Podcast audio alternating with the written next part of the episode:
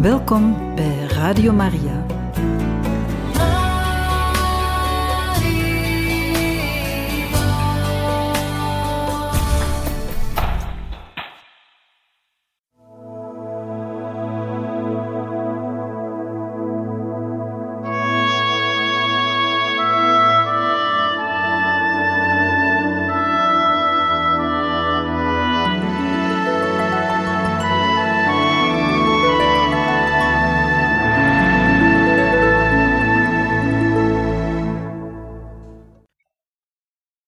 Waren zware maar gelukkige dagen daar in Creek Lane. Ze hadden zeer weinig geld, maar moeder Teresa zei aan haar volgelingen dat ze daarover nooit ongerust moesten zijn. Er zou wel hulp komen als dit nodig was. Moeder Teresa had een grenzeloos vertrouwen in de goddelijke voorzienigheid. Die jonge religieuzen waren zeer enthousiast. Er waren geen moeilijkheden. Ze leefden eenvoudig, maar waren gelukkig. Het gebeurde wel eens dat ze geen rijst hadden. Moeder Teresa schreef toen een briefje voor Michael Gomes om er wat te kopen voor hen. Deze Michael Gomes, misschien nog kort even terug, gegaan in de tijd. Zij heeft een uh, tijdje onder hetzelfde dak uh, mogen wonen als die Michael Gomes die voor haar een kamer had uh, voorzien in zijn ruime woning. En ook uh, nadat ze eigenlijk daar weggegaan is van de Gomes-familie om haar werk verder te gaan zetten, zijn ze altijd bevriend gebleven en heeft ze altijd ook op zijn hulp kunnen rekenen, ook in deze situatie. Voor de communiteit werd een belsysteem gebruikt.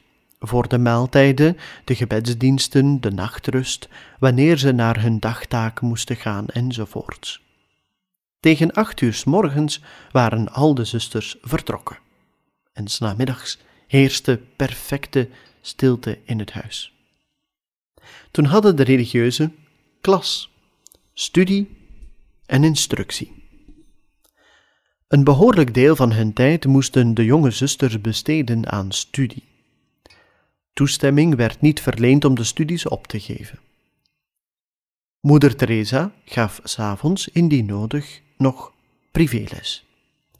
Na het avondmaal was het huis gevuld met lach en gezang.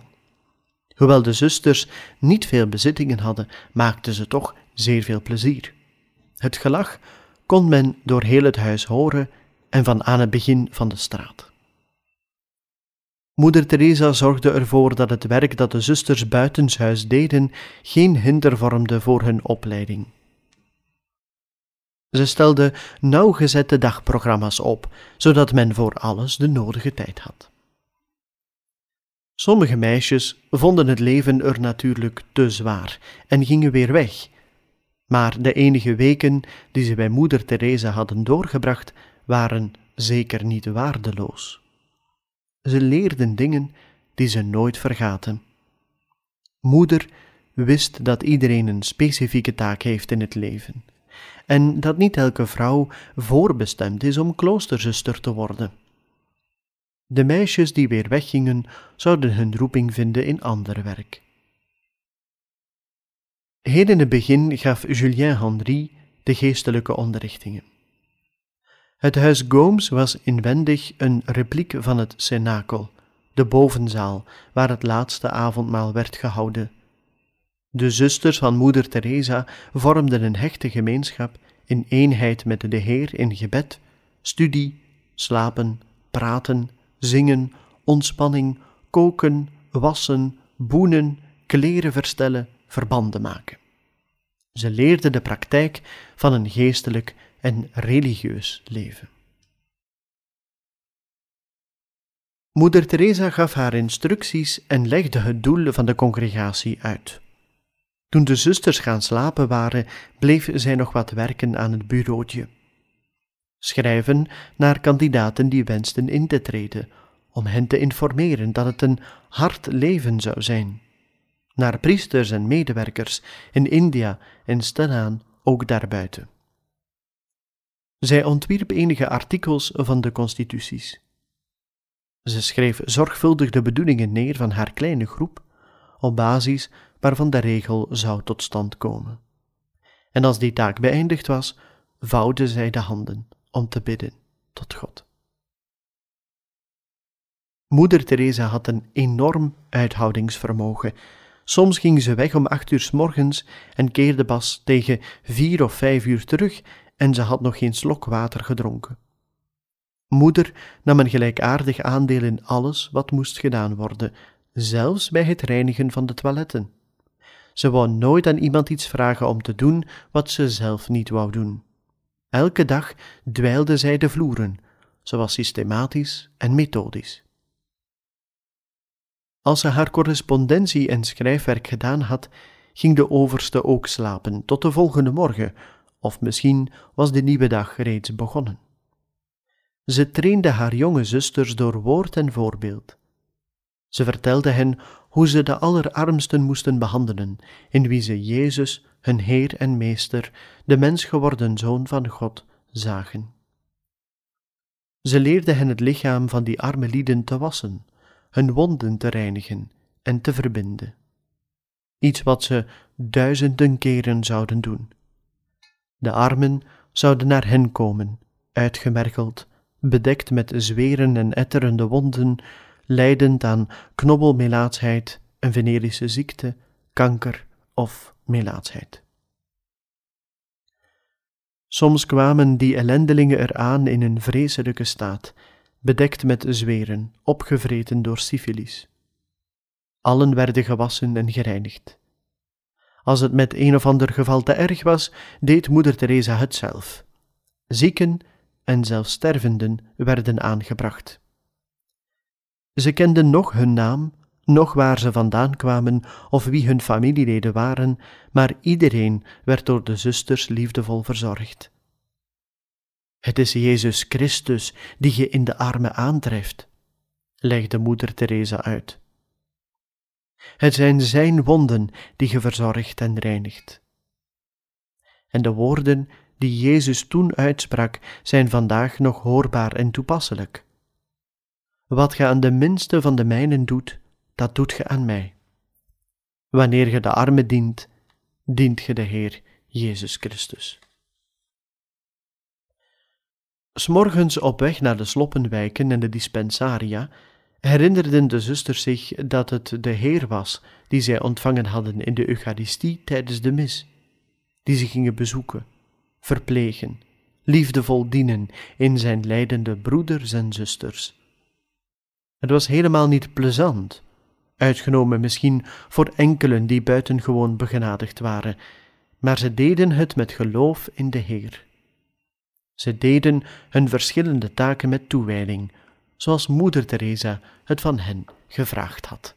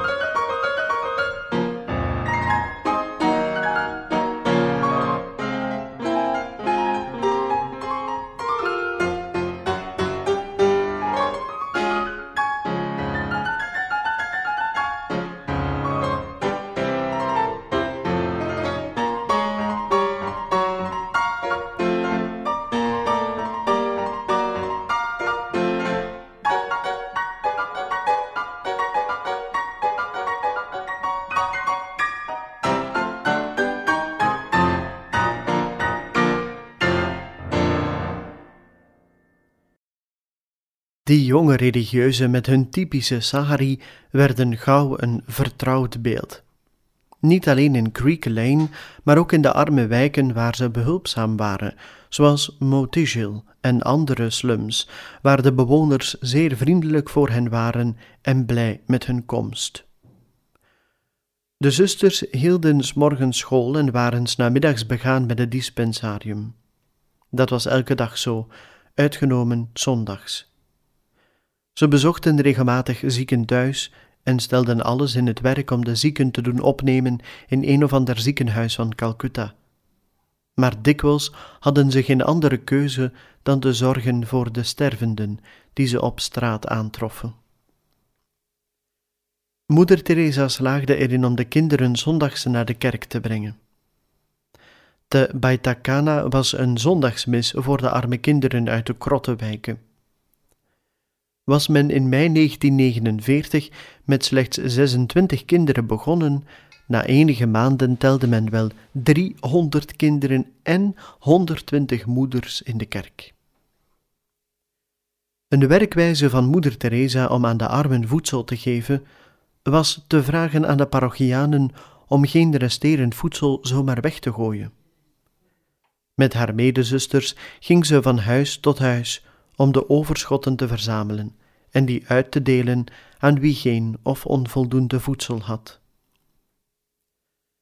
Hun tuberculosepatiënten hadden heel wat meer voedsel nodig dan zijzelf. Van Exum en Henri deden een oproep in de zondagsmis voor Musti Bika, een Bengaals gebruik waarbij elk gezin dat het zich kon veroorloven een handvol rijst voor de bedelaar opzij legde. Leden van het legioen van Maria gingen van deur tot deur om die porties op te halen. Van Exum deed een oproep opnemen in de krant The Statesman voor steun aan moeder Theresa's werk, omdat zijn parochie niet kon tussenkomen, vermits het geld er bestemd was voor de kerk en het weeshuis. Alhoewel moeder Theresa's werk snel bekend werd, beschikte zij niet over financiële middelen. Er waren dagen dat de communiteit slechts rijst had als voedsel. Van het blad ontving Van Exum onmiddellijk een positief antwoord. Men apprecieerde haar werk, waaraan de nodige aandacht zou besteed worden. Gesuggereerd werd dat het adres van de parochiekerk meer vertrouwen zou inboezemen dan 14 Creek Lane.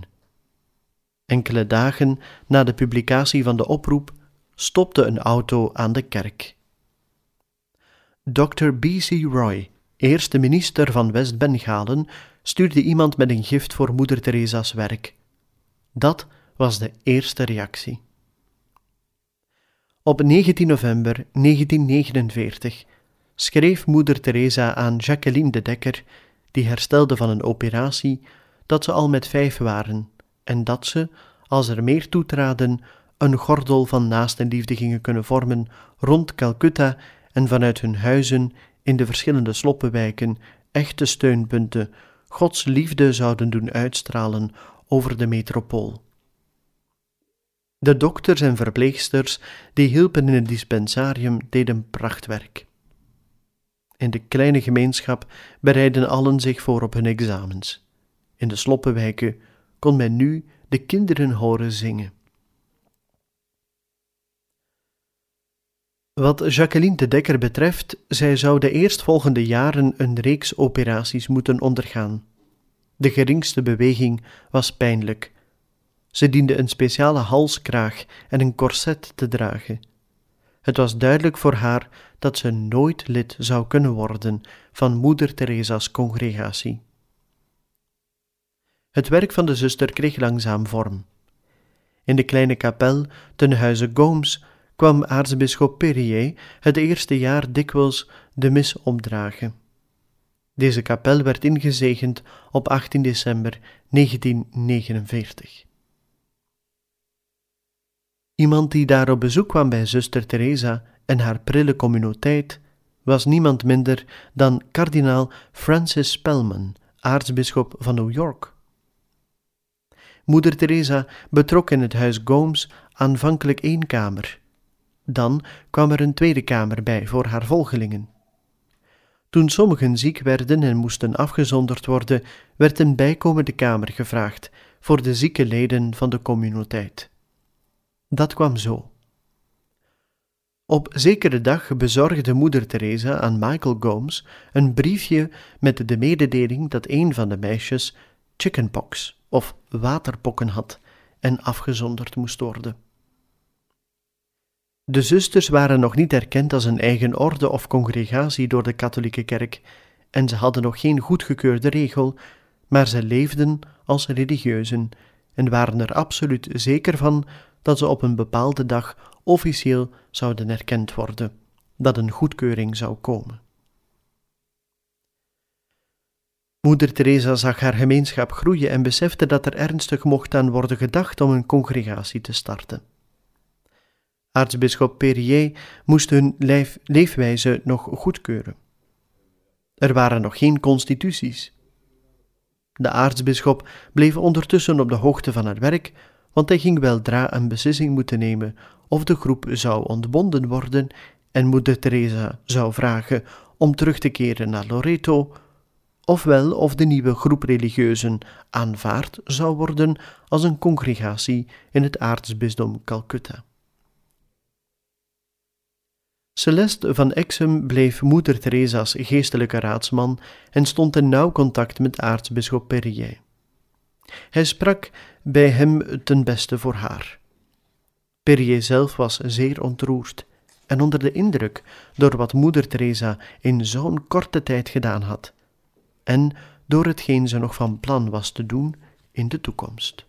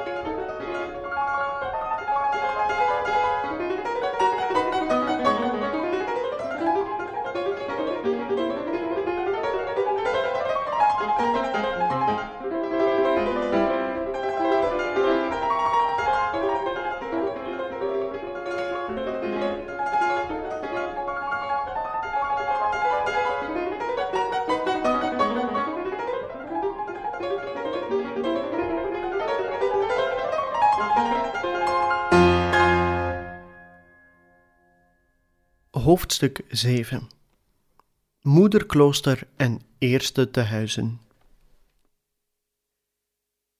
Tegen het begin van 1950, het heilig jaar, toen zuster Theresa's proefjaar ten einde liep, nam de aartsbisschop een besluit dat gunstig was voor moeder Teresa. Maar er was één voorwaarde – van Exum diende tegen 1 april een regel of constituties voor de nieuwe congregatie gereed te hebben, in vijf exemplaren, want in april zou de aartsbisschop naar Rome gaan. De tekst zou overhandigd worden aan kardinaal Fumashni Biondi, prefect van de heilige congregatie van de Propaganda Fidei, met het oog op het bekomen van de erkenning. Zo'n regel voor een congregatie van vrouwelijke religieuzen kwam niet zomaar in een handomdraai tot stand, integendeel. Dat is trouwens met om het even welke constitutie zo. Wie heeft de regel voor Moeder Teresa's congregatie geschreven? Zij zelf schreef er het eerste ontwerp van. Ze legde eigenhandig de beginselen en de geestelijke doelstellingen vast.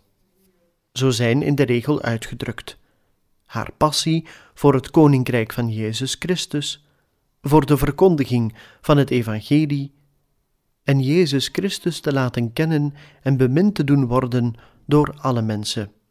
Haar devotie voor het Heilig Hart, de Maagd Maria, de Eucharistie en haar gehechtheid aan de kerk en de paus.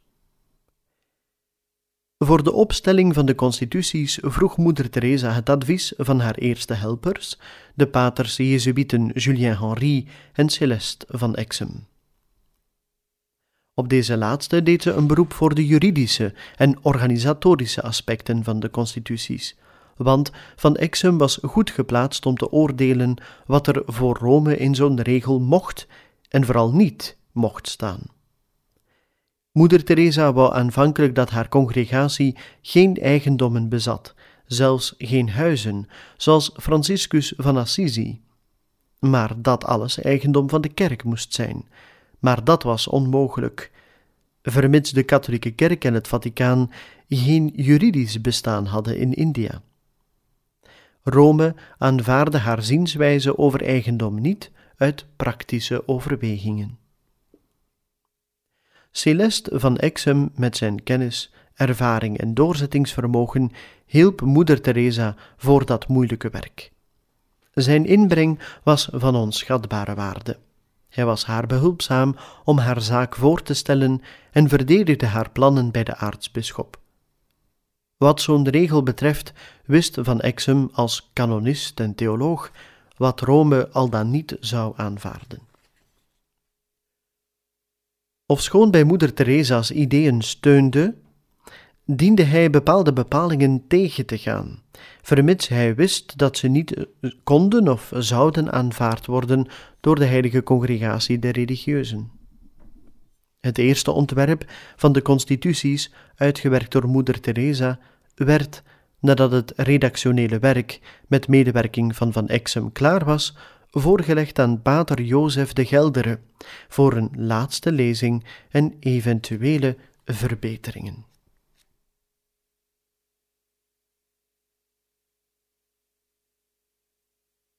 Hij corrigeerde hier en daar de verwoording, maar deed er anderzijds geen veranderingen aan. Na die laatste controle zei de Geldere dat God er de hand in had. Hij respecteerde het gedane werk dat hij zag als geïnspireerd door de Heilige Geest. Aartsbisschop Perrier nam de constituties in april 1950 mee naar Rome ter goedkeuring. Men moest enige maanden wachten op een reactie. In het begin van de herfst kwam de goedkeuring in Calcutta toe van de Constitutions of the Society of the Missionaries of Charity, de constituties van de Sociëteit van de Missionarissen van Naastenliefde. Door tussenkomst van de Heilige Congregatie der Religieuzen had Paus Pius XII zijn fiat gegeven aan Moeder Teresa's congregatie in het aartsbisdom Calcutta met zetel aldaar 14 Creek Lane. Op de heugelijke dag van 7 oktober 1950, feest van Onze Lieve Vrouw van de Rozenkrans, die beschouwd wordt als de stichtingsdatum, kwam de aartsbisschop de mis opdragen in hun kleine kapel en werd daarbij geassisteerd door pater van Exum, die het oprichtingsdecreet, toegekomen uit Rome, mocht voorlezen. Het decreet begint als volgt.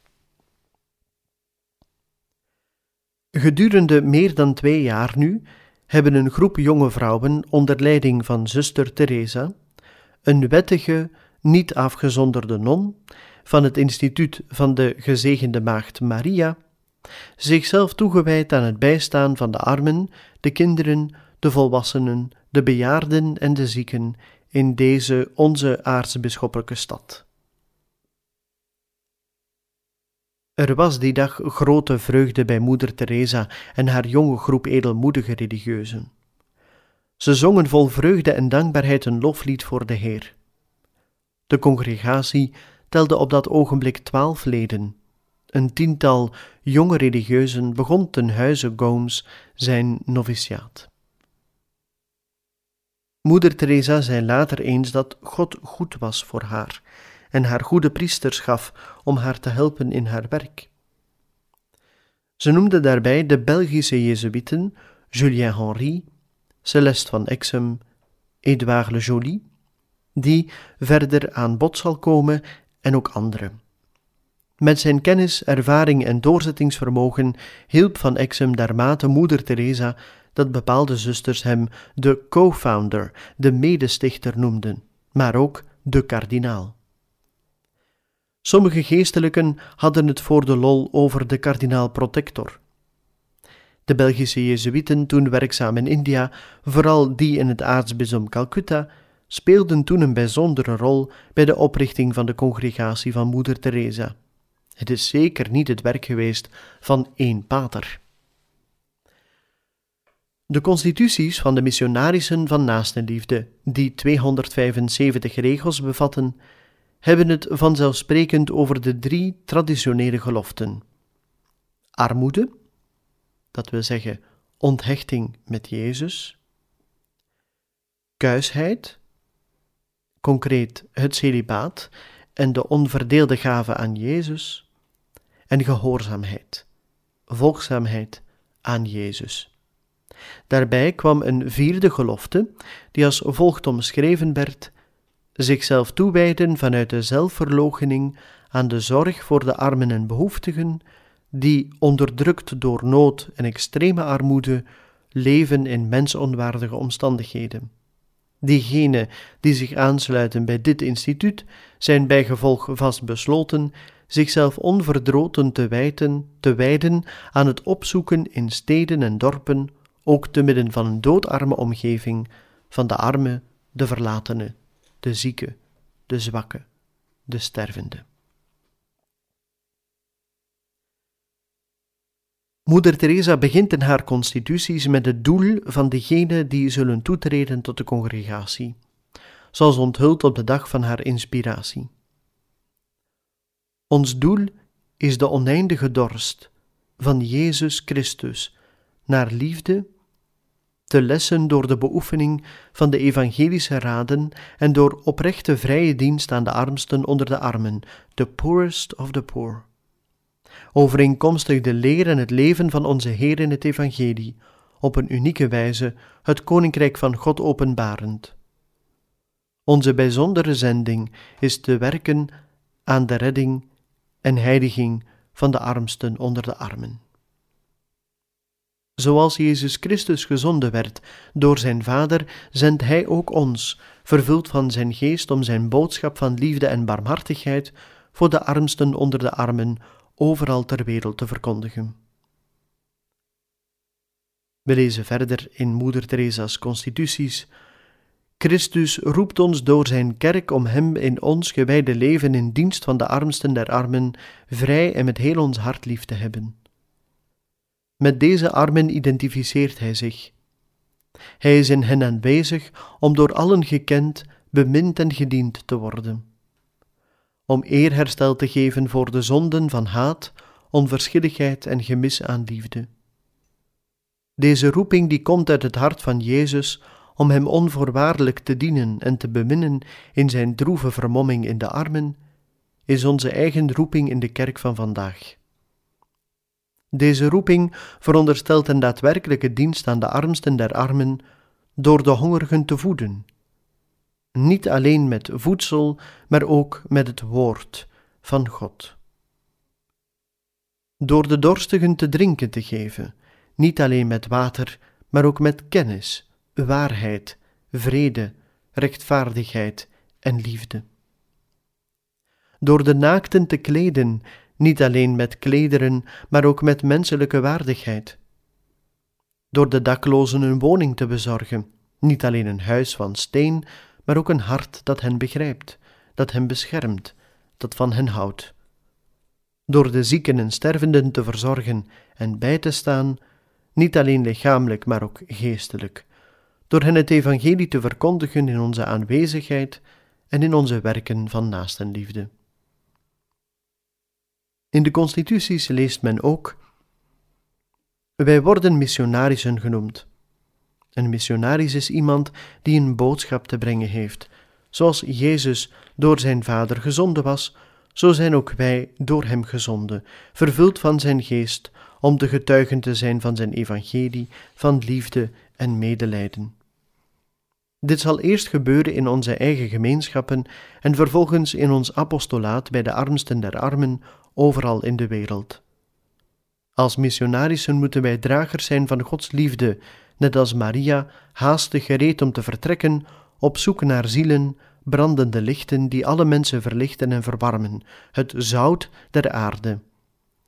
Mensen die maar één verlangen hebben, Jezus, die in ons hart en in onze gedachten aanwezig is, te brengen naar plaatsen waar Hij voorheen nimmer geweest is, onvervaard zijn leven te, te leven. Door gevaren en de dood te gaan met en voor Hem, bereid zijn iedere dag met blijheid aan onszelf te sterven, indien wij werkelijk verlangen de mensen tot God te brengen en de prijs te betalen die Hij daarvoor over had. Daarom zullen wij beschikbaar zijn om op ieder ogenblik, waar ook ter wereld, te gaan om andere mensen in hun cultuur en eigenheid te ontmoeten en te respecteren. Wij zullen tevreden zijn om eender welk werk of inspanning te aanvaarden en geen enkel offer uit de weg te gaan dat als missionaris van ons gevraagd wordt. En verder. De contemplatie is een gave van God aan ieder van ons. Naar zijn beeld en gelijkenis geschapen, worden wij door het doopsel betrokken in het mysterie van zijn leven en liefde. Zo worden wij geroepen om als bruiden van de gekruisigde Jezus de intimiteit van zijn liefde te beleven. Dit zullen wij verwezenlijken in de kleine en dagelijkse dingen van ons leven. Wij zullen voor Hem beschikbaar zijn. Hem willen wij lief hebben met gans ons hart, ons verstand en al onze krachten, om het even hoe Hij met ons omgaat. In naam van de geestelijke armsten der armen zijn wij op een bijzondere wijze geroepen om samen met Maria te verwijlen in de contemplatie van de Vader, de Zoon en de Geest. Hun liefde voor elkaar en voor ieder van ons contempleren wij ook in de schepping en in alles wat ons verlost en heiligt. Moeder Teresa heeft in haar constituties contemplatie en gebed in éénzelfde hoofdstuk behandeld. Ze schreef: Onze roeping bestaat erin contemplatieven te zijn in het hart van de wereld. Daarom trachten wij Gods gelaat te ontwaren in alles en in iedereen, altijd en overal. In alles wat gebeurt, zullen wij Zijn aanwezigheid herkennen. Wij zullen vooral contemplatieven zijn door Jezus te aanbidden in de nederige gedaante van brood en in Zijn droeve vermomming in de armsten der armen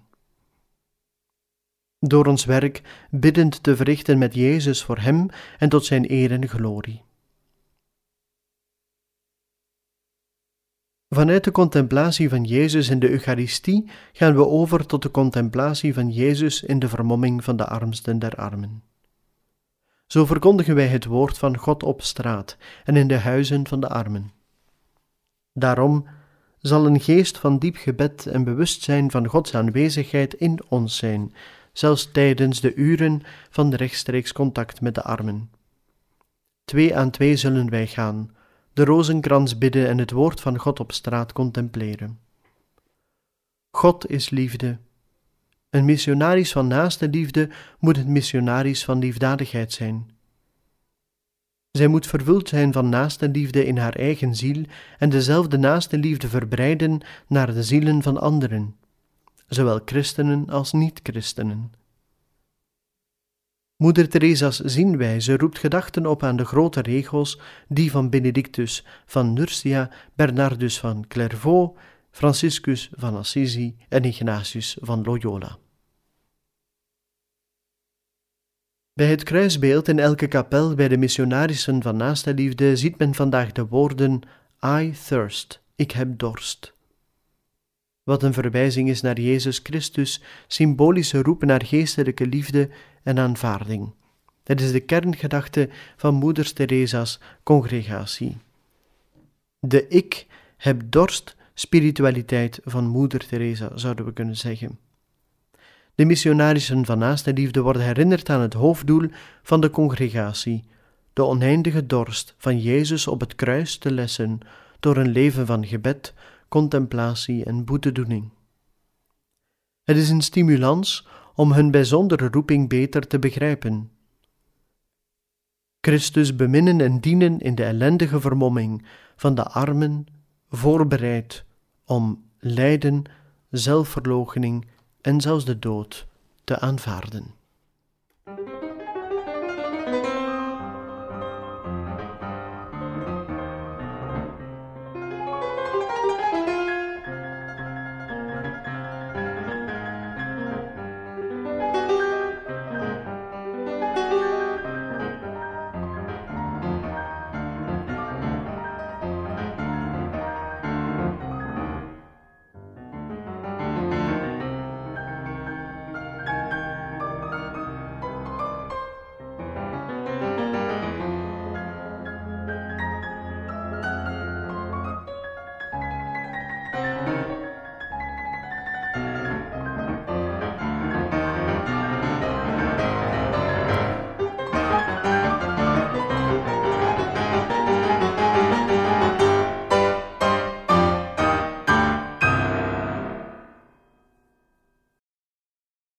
Eens de congregatie van Moeder Teresa een feit was, begon het aantal leden gestadig toe te nemen.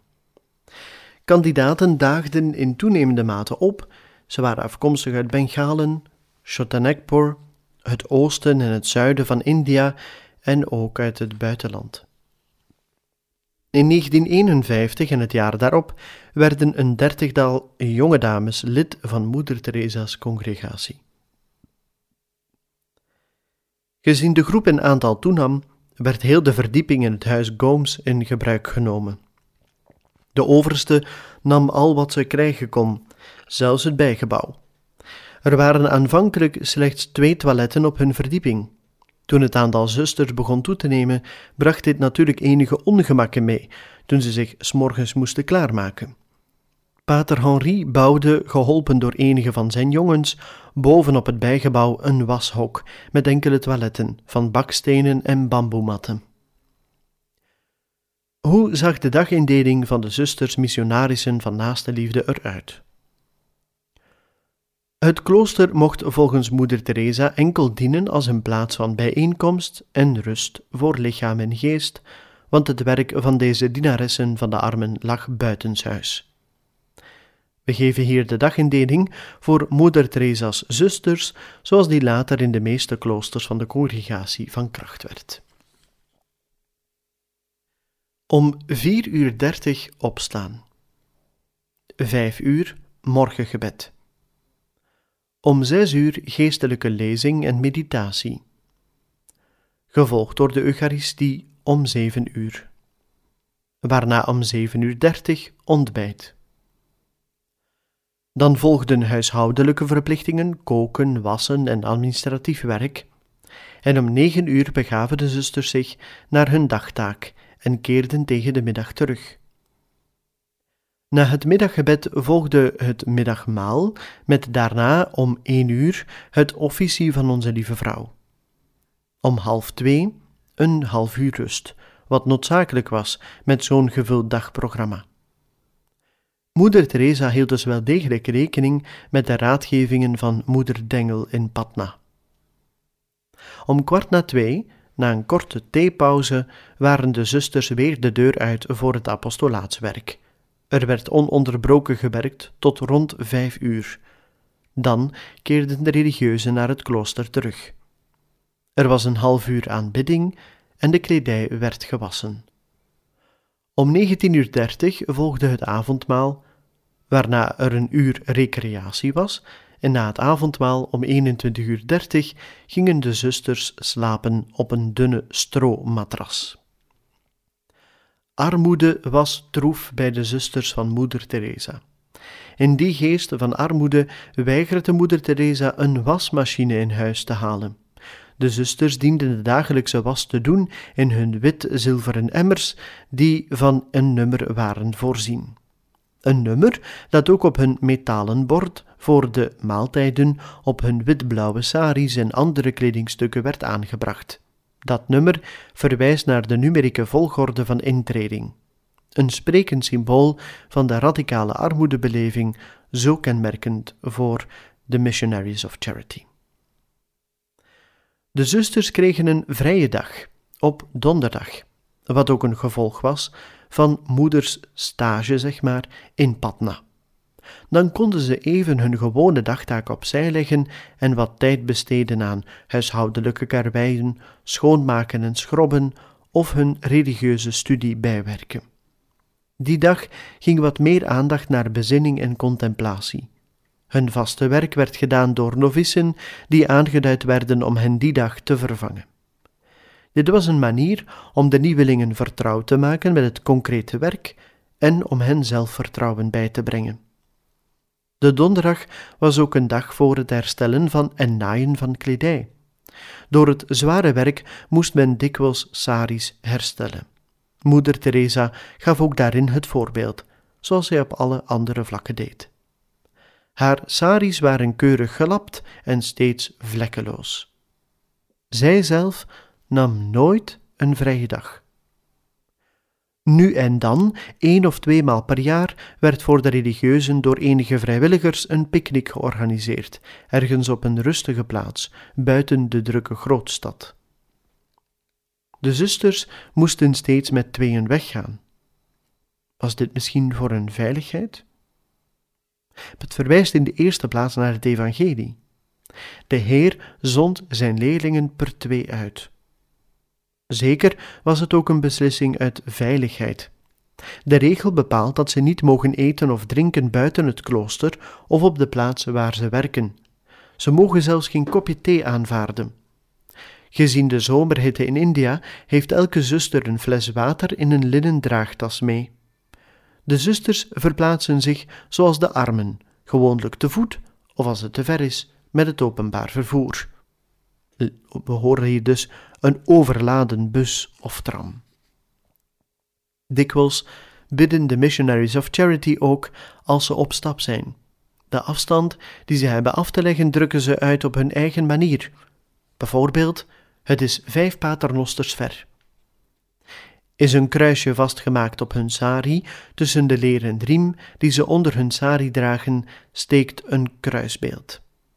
Elke ochtend, bij het zich aankleden, kussen ze dit kruisbeeld en zeggen daarbij: Laat dit kruisbeeld mij eraan herinneren dat ik de bruid van de gekruisigde Jezus ben. Daarom zal ik als missionaris van naastenliefde in alles wat ik doe het leven leiden van een gekruisigde en alleen zijn werk verrichten.